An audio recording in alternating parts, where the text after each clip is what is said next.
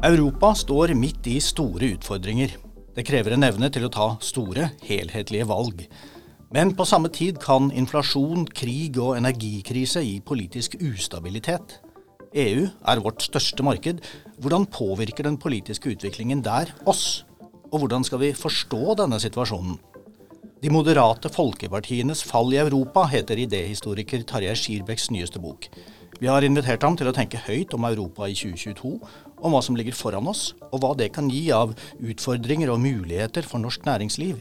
I Innopodden med Håkon Haugli og meg, Kjetil Svorkmo Bergman.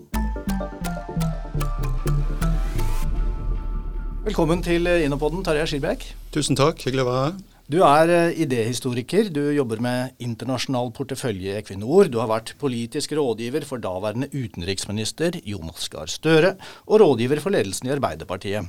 Og du var også med å etablere Tankesmien Agenda for noen år siden. Boka di, 'De moderate folkepartienes fall i Europa', kom ut i fjor. For de av lytterne våre som eh, nærmest mot formodning ikke har lest den, eh, kan du gi oss en kort oppsummering av hva den handler om? Selvfølgelig. Eh, det er en stor glede og ære å få lov til å gjøre det. Eh, bare si veldig kort at det er en, en, bok jeg har brukt veldig lang tid på å skrive. Og som du eh, indikerte, så har jeg en sosialdemokratisk bakgrunn. Og som de fleste av lytterne kanskje har fått med seg, så går det litt trått for mange sosialdemokratiske partier i Europa. Så jeg hadde en veldig stor interesse av å tenke hva er det som egentlig har skjedd, litt sånn dyptgående. Hva er det som gjør at disse partiene har falt?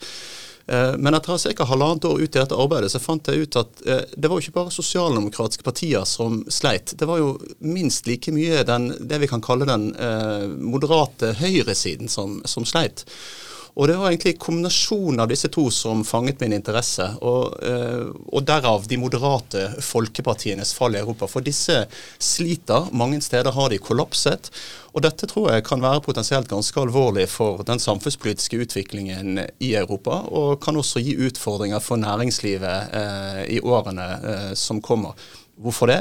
Fordi at disse partiene har vært helt toneangivende i etableringen av det moderne, moderne, Europa. Og Jeg vil bare legge inn for lytternes del at i Norge får vi ofte høre at det er Einar Gerhardsen og Arbeiderpartiet som la grunnlag for det moderne Norge, og det kan man jo langt på vei være enig i. Men eh, i Europa, altså på kontinentet, så var det ikke sentrum-venstre som var toneangivende. De var helt unelectable. Det er et par tiår etter andre verdenskrig. Det var den moderate høyresiden som etablerte det moderne, eh, de moderne samfunn vi nå lever på i Europa, med liberale demokratier, en sosial markedsøkonomi osv. Så, videre. så disse partienes rolle i, i, i, våre moderne samfunn kan ikke undervurderes, og nå holder de på å svinne hen. Hva er det da som kommer, og hvilke følger kan det få for oss alle? Hmm. Håkon, ja. eh, Innovasjon Norges arbeidsområder er næringsutvikling, eksport osv. Mm. Hvordan er dette relevant for oss? Altså, du sa jo i din intro Kjetil, at EU eh, e er vårt største marked. Altså, EU består jo av en rekke land med, uh, med markeder, og, og, norske bedrifter er avhengig av at der er det stabilitet. og Der vet de hva de går til. og Helt ned til sånne ting som at en kontrakt da kan etterprøves i et rettssystem, og at uh, man kan få avgjort om den er inngått riktig, og hvem det er som har rett. Så de kreftene da, som, som påvirker samfunnet i en retning hvor rett rettsstaten f.eks. Er, eh, er undergraves, eller eh, hvor det blir betydelig ustabilitet, det er jo selvfølgelig en utfordring for næringslivet og våre kunder. Og så vil jeg si en ting til, og det er jo at vår evne da, som kontinent til å ta beslutninger av type, altså større satsinger og uh, på grønn industriutvikling f.eks., krever jo at, de, at, demokratiene fungerer. At man kan få tatt den type beslutning. Der tenker jeg jo kanskje at ting går også i en litt annen retning enn det Tarjei antyder. At der har jo faktisk Europa nå satt på prøve med krigen i Ukraina og et grønt skifte faktisk vist seg, vil jeg si, nesten forbausende beslutningsdyktig. Så, litt, så derfor syns vi dette er et interessant tema. Da. Hva er det som skjer politisk i Europa? Fordi det både er direkte relevant, men særlig indirekte relevant på den jobben vi gjør i Innovasjon Norge. Jeg, jo, jeg, er helt enig med Håkon at EU eh, e har jo fremstått, eh, ja, som du også sier, overraskende sterke. Eh, raske på å snu seg om og levere handling på, på, høyt nivå. Og jeg tror jo gitt den geopolitiske situasjonen vi er nå med ja, ikke bare krigen i Ukraina og sterke militære motkrefter, men også sterke kapitalkrefter, og da snakker vi virkelig sterke og politiske krefter, Eh, så er jo EU en helt avgjørende eh, del av eh, rett og slett stabiliteten i Europa. Jeg tror Uh, hvis ikke vi hadde funnet på EU før, så måtte vi i hvert fall ha funnet på det nå. Og Så trenger vi ikke gå inn i en diskusjon om noen feil eller mangler eller svakheter eller positiv side med EU, men EU som institusjon og rammeverk tror jeg har vært helt avgjørende. Og det har vist seg å være utrolig virkningsfullt uh, for Europa og for det enkelte land. Så jeg er helt enig med Håkon i, i det. Mm. Men Betyr det at det du skriver i boka di på en måte er blitt foreldet? Nei, overhodet ikke. Eh, det er eh, krefter, altså EU er en politisk institusjon preget av de politiske partiene som, eh, som, styrer der. Og Det vi ser over tid, er at disse moderate kreftene som igjen har tatt inn over seg samfunnsstrømninger, har stabilisert ut uro som har vært der, og konflikt, og gitt forutsigbarhet og rammer og retning, er kraftig svekket.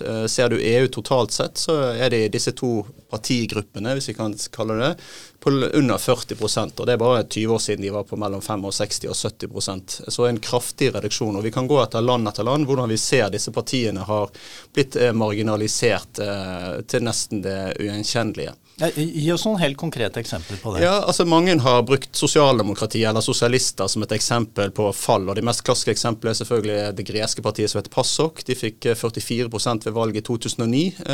I 2015 så fikk de 4% Altså 44 til 4. Det kalles passifisering, altså det er rett og slett totalkollaps.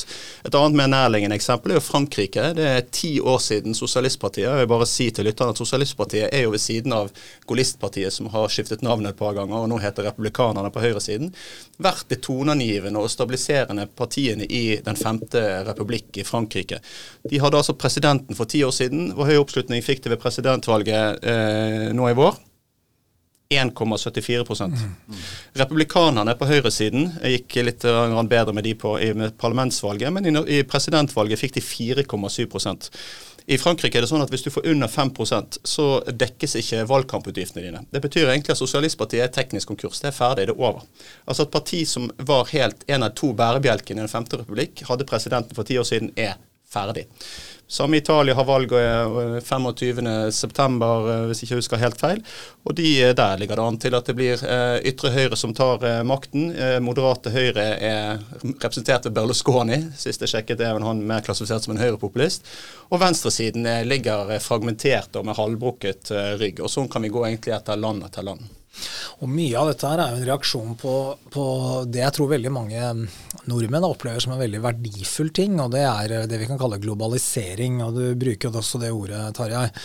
Altså For Norge, da, som er en lite utadvendt land som er helt avhengig av å selge det vi produserer, så er jo f.eks. sånne ting som internasjonale handelsavtaler og et rammeverk og en stabilitet rundt internasjonal handel helt avgjørende for vår velferd som innbyggere. Og det er klart Når det er selve angrepspunktet, da, og det, når globalisering blir et problem, så blir dette også et problem for Norge og oss som bor i Norge. Og Det kunne kanskje du si litt om. altså Hva, hva, hva, er, hva, liksom, er, under den underliggende årsaken, da, eller er det ikke sikkert flere, til at uh, vi ser denne fragmenteringen av det politiske landskapet og fremvekst av for det første veldig mange partier, og mer ytterliggående partier enn det vi har hatt historisk? Ja, med fragmentering, helt åpenbart. Eh, langt flere partier stiller og også kommer inn. Flere partier danner regjering, gjør det også mer usikkerhet. og Jeg vil bare benytte anledning til å legge inn enkelte tenker ja, men hva med moderate høyresyn? Skal komme til spørsmålet, Håkon. Hvor, gjør ikke de det bedre? Jeg vil bare nevne at av de fem store landene i Europa, så styrer ikke moderat høyre noen av dem. Ikke Polen, ikke Tyskland, ikke Frankrike, ikke Italia, ikke Spania. De styrer kun 11,5% av EUs innbyggere. og Dette er altså den partigruppen som var helt toneangivende i tiårene etter andre verdenskrig, og en av de to bærebjelkene er helt nede for telling. Så bare for å ha lagt igjen det. Eh, mange av de motkreftene man ser, både på ytre høyre og ytre venstre, eh, populister, eh, har ofte ganske like eh, politiske trekk, like kritikker som de, eh, de fremmer. Eh, hvis du ser på Mélenchon, den franske presidenten for kandidaten på ytre venstre, eller Le Pen på ytre, eh, ytre høyre, så er jo programmene deres forholdsvis like. Og hva, hva er det egentlig grunnleggende består av i forhold til spørsmålet litt for næringsliv og stabilitet? Jo, det er nasjonalisering, det er prote eh, proteksjonisme, eh, liten tro på internasjonal markedsøkonomi, eh, vil ha nasjonalstaten, vil ha grenser tilbake igjen. Dette er ting som går igjen. Det er eh, France first, eller Slovenia first, eh, USA first. Altså, det er det som går igjen hele veien i eh, politisk retorikk fra disse ytterkreftene. Og de stiller spørsmålstegn, og dette er alvorlig, ikke bare med liberale demokratier, men de stiller også spørsmålstegn med vår internasjonale markedsøkonomi. Og Det burde jo bekymre veldig mange som holder på med å avhengig av en internasjonal markedsøkonomi. Eh, og de stiller spørsmålstegn rett og slett med vår moderne eh, samfunnsform. Og Dette er jo selvfølgelig ikke noe som skjer endring over natten, men dette er glidninger som skjer underveis. Og det er de eh, tingene jeg prøver å vise i boken, hvor dette her kan bevege seg, og hva egentlig de moderate på høyre side og venstre side må gjøre for å være en motkraft til disse eh, kreftene vi ser. Og det tror jeg handler ikke om person, jeg tror ikke det handler om kommunikasjon. For de som er opptatt av politikk, så peker man ofte på de to. Men det handler om noe så enkelt eller så vanskelig som politisk innhold. Om man klarer å svare på de utfordringer folk eh, opplever rundt omkring, og å være en relevant stemme. Og jeg tror dessverre at det er litt av svaret på det, disse partienes fall. At de klarer ikke å balansere ut de samfunnsendringene som nå skjer. For de skjer så fort, og mange føler at endringene skjer for fort og de klarer ikke å henge med. De ser ikke en fremtid for seg eller for sin familie. Og Den sosiale mobiliteten i Europa har i beste fall stagnert, og de aller fleste land så har det gått ned. Den europeiske ungdomsgenerasjonen vi har i dag, det er den best utdannede ungdomsgenerasjonen Europa har hatt noensinne. Det er den første generasjonen siden 1820 som kommer til å ha det verre enn foreldrene sine. Mm. Um, så det er, det er, ganske mye underliggende som, som, ligger der, og jeg tror det er knyttet til to ting, hvis jeg må få lov til å legge det igjen. Uh, det handler om uh, økonomi. uh, og det handler om innvandring. Og Dette er jo de store og viktige spørsmålene i vår tid som disse moderate kreftene ikke har eh, tatt eh, godt nok tak i og, og, balansert ut, eh, sånn som jeg ser det. Ja, noen vil jo si at det trekker opp et bilde som på mange måter er litt dystert. Eh, ja, det vil jeg være enig i. ja, eh, og hva betyr dette, sånn som du ser det, for næringslivet, for norsk næringsliv? Ja, altså jeg vil jo si at Det er et dystert bilde, men jeg mener det er et ganske reelt bilde. Men igjen, det, det er viktige diskusjoner. Eh, mm. Men der, boken er jo også skrevet med stor innlevelse og kjærlighet. Og jeg er også veldig opptatt av at vi trenger disse moderate kreftene både på høyresiden og på, på venstresiden. Og jeg mener at det er mulig for disse kreftene å reetablere seg som brede partier med høy oppslutning. Derfor prøver jeg også i boken å si what, what needs to be done. Altså i hvert fall gi det en, en rett retning. Eh, fordi at noen av svarene vil være litt forskjellige etter hvilket land du er i, men sånn hovedtendensen eh, mener jeg er likevel er der. Så eh, jeg mener at det absolutt er et håp, eh, og, men man må ta dette håpet. Og det, man må ta det politiske grepet. Eh, fordi at hvis ikke man disse kreftene gjør det, eh, så er det andre krefter som står klare til å ta over makten. Og jeg syns det også er interessant å, å tenke på at disse kreftene er jo veldig opptatt av politikk. De har veldig tro på politikk de har jo veldig tro på endring. Sant? Vi kan gjøre en endring, vi kan gjøre en forskjell. Mens de moderate kreftene tenker ja, kanskje, mm. muligens mumle, gåseg, sette ned et mm. utvalg. Altså, det er helt sikkert riktig. Men poenget er at disse kreftene har veldig tro på politikk. De skal gjøre endringer. Derfor er disse spørsmål også et spørsmål om medbestemmelse og demokrati, eh, og rett og slett også hva politikk er, og hva det skal brukes eh, til. Og Jeg har bare lyst til å legge igjen en sånn liten ting på benytte anledningen til. Når disse kreftene var veldig sterke, så brukte de et begrep som het samfunnsforming. De skulle forme samfunnet. Så kan folk tenke ja, han er venstre, han tar han snakker og leser mye Marx. Det kan kanskje ha gjort det. Men det begrepet samfunnsformene, det var det høyresiden som brukte. Fordi at man etter krigen sa at nå skal vi forme samfunnet fordi de skal hindre disse ytterkreftene for å sette fotfeste konteksten var jo åpenbar. Mellomkrigstiden, eh, andre verdenskrig. De skulle rebalansere eh, de europeiske samfunnene og bygge et fundament for fremtiden, og det gjorde de. Men da måtte de være samfunnsformene. I dag så er mye av politikken veldig mye samfunnstilpasning. Du har ikke et grep om det, og det er knapt at de egentlig forstår det som skjer. Det er sikkert Du bare du kladder litt på, tar noen grep, og føler ikke at liksom, hvor kan de sette inn støt. Og Jeg tror det er masse godvilje eh, hos disse politikerne, men, men, de må rett og slett ta, ta større grep eh, ut ifra de samfunnsendringene vi nå ser. Hvis ikke så eh, vil jeg legge mye penger i potten på at eh, andre krefter står klare for å, å give it a shot. Og de, eh, de fleste av oss vil ikke like det, tror jeg. Det som jeg syns er interessant her, er jo de institusjonene da, som verner om denne samfunnsmodellen med menneskerettigheter, demokrati. Um, rettsstat.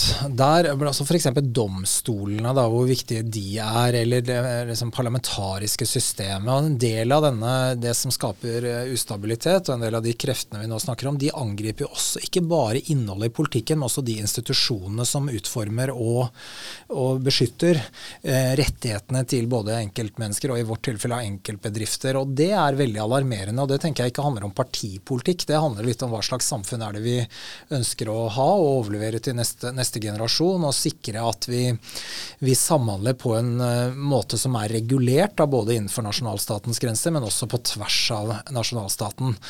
Og Apropos institusjoner, altså det som, som f.eks. betyr mye i Norge, er jo dette med internasjonale handelsavtaler, tilgang til markeder osv., hvor det også er en del av det som nå ligger i potten.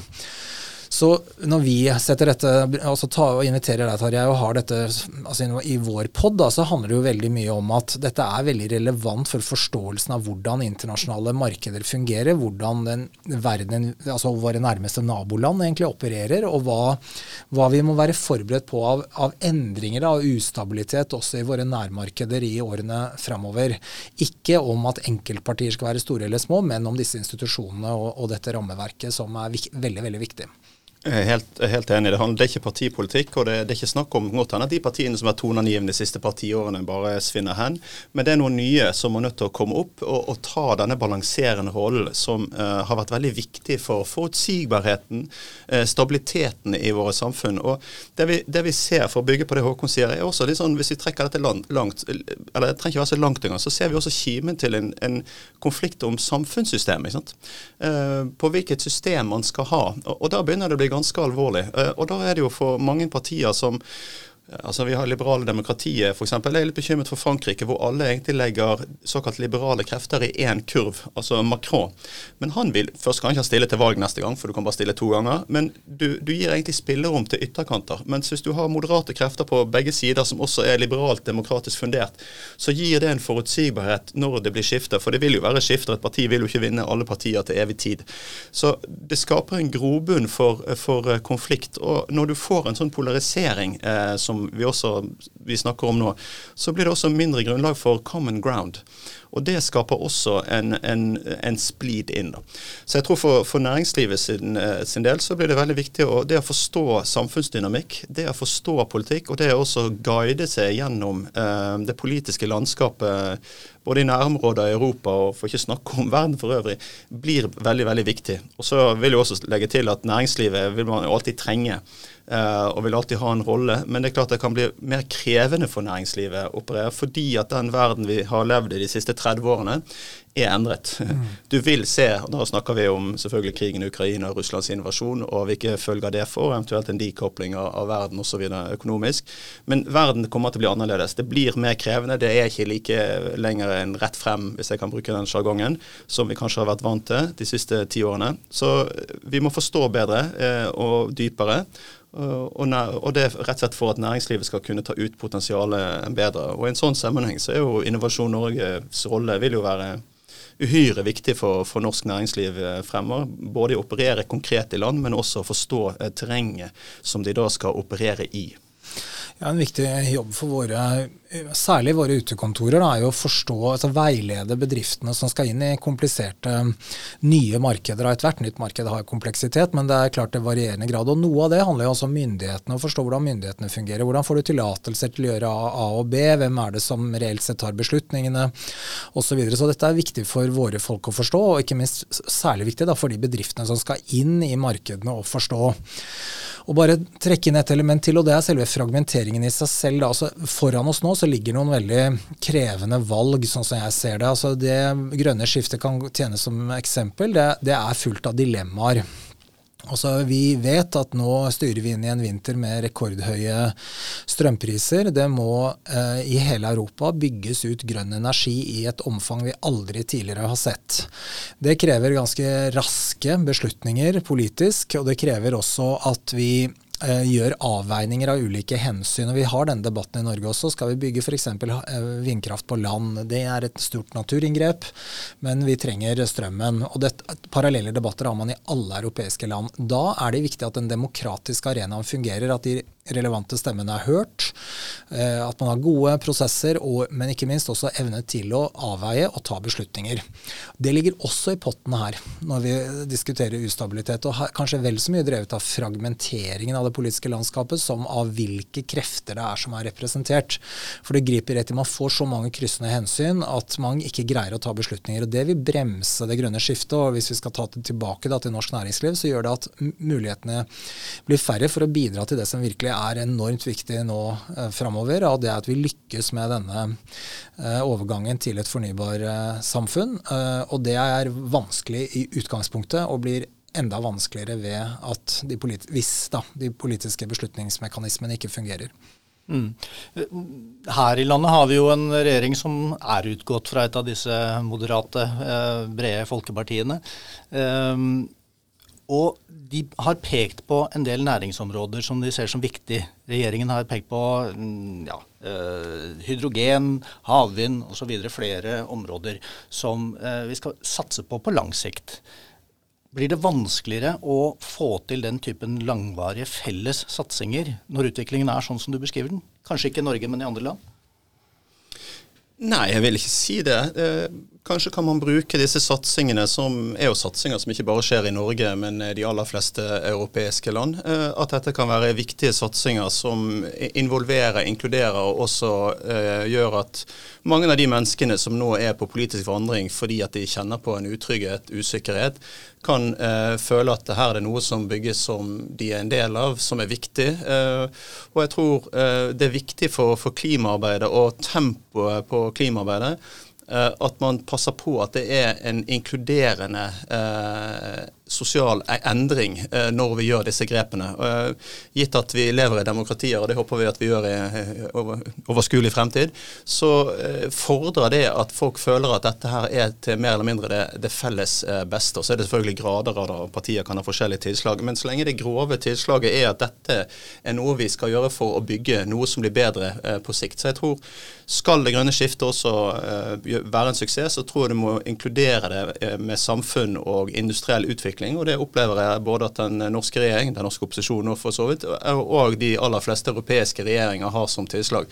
Så gjenstår det å se da om de, de, får det til. For som Håkon sier, dette er en enorm utfordring som krever et eh, kjempeløft. Eh, men vi har vel ikke noe annet valg enn å, enn å lykkes. Tarjei, vi pleier ofte å spørre gjestene våre hva de ville ta opp med eh, statsministeren, og hva de ville si til ham hvis de ble sittende, ja, eller stående i en lang heistur sammen med ham. Hva ville du ha sagt? Det var et veldig godt spørsmål. Kanskje du sier det direkte til han når du Ja, det kan hende. Men der, her må jo sies til lytteren, den fikk vi rett over bordet. Men uh, jeg er veldig opptatt av europaspørsmålet, EU-spørsmålet. Eh, og ikke så nødvendigvis opptatt av om Norge blir medlem av EU eller ikke. Jeg tror ikke det er avgjørende for verdensfreden, Europas uh, sammenheng eller Norges fremtid, så lenge vi har EØS i, i bunn. Men jeg skulle gjerne ha likt å hørt hans refleksjoner på hvordan han mener EU bør utvikle seg, uavhengig av norsk medlemskap eller ikke. Hvordan kan EU som institusjon styrke seg? I den situasjonen vi er i dag, og eh, en mer turbulent eh, fremtid som vi ser. Så en litt sånn dyptgående EU-diskusjon med han ville jeg kanskje ha prøvd meg på i heisen. Mm, veldig bra. altså Interessant eh, også fra et Innovasjon Norge-ståsted. Vi ser jo hvor utrolig viktig det er, og igjen da ikke medlemskapsspørsmål, men at norske myndigheter er tett på prosessene i EU. Mm. Fordi det igjen påvirker direkte hvilke investeringer som f.eks. gjøres da innenfor de områdene hvor Norge har satt seg mål. Havvind, hydrogen, batterier osv. Så, videre. så den samtalen skulle gjerne vært flue på veggen til. Vi spør gjerne også gjestene våre her inne på den hvilken innovatør som har eh, inspirert deg. Hvem er det for deg?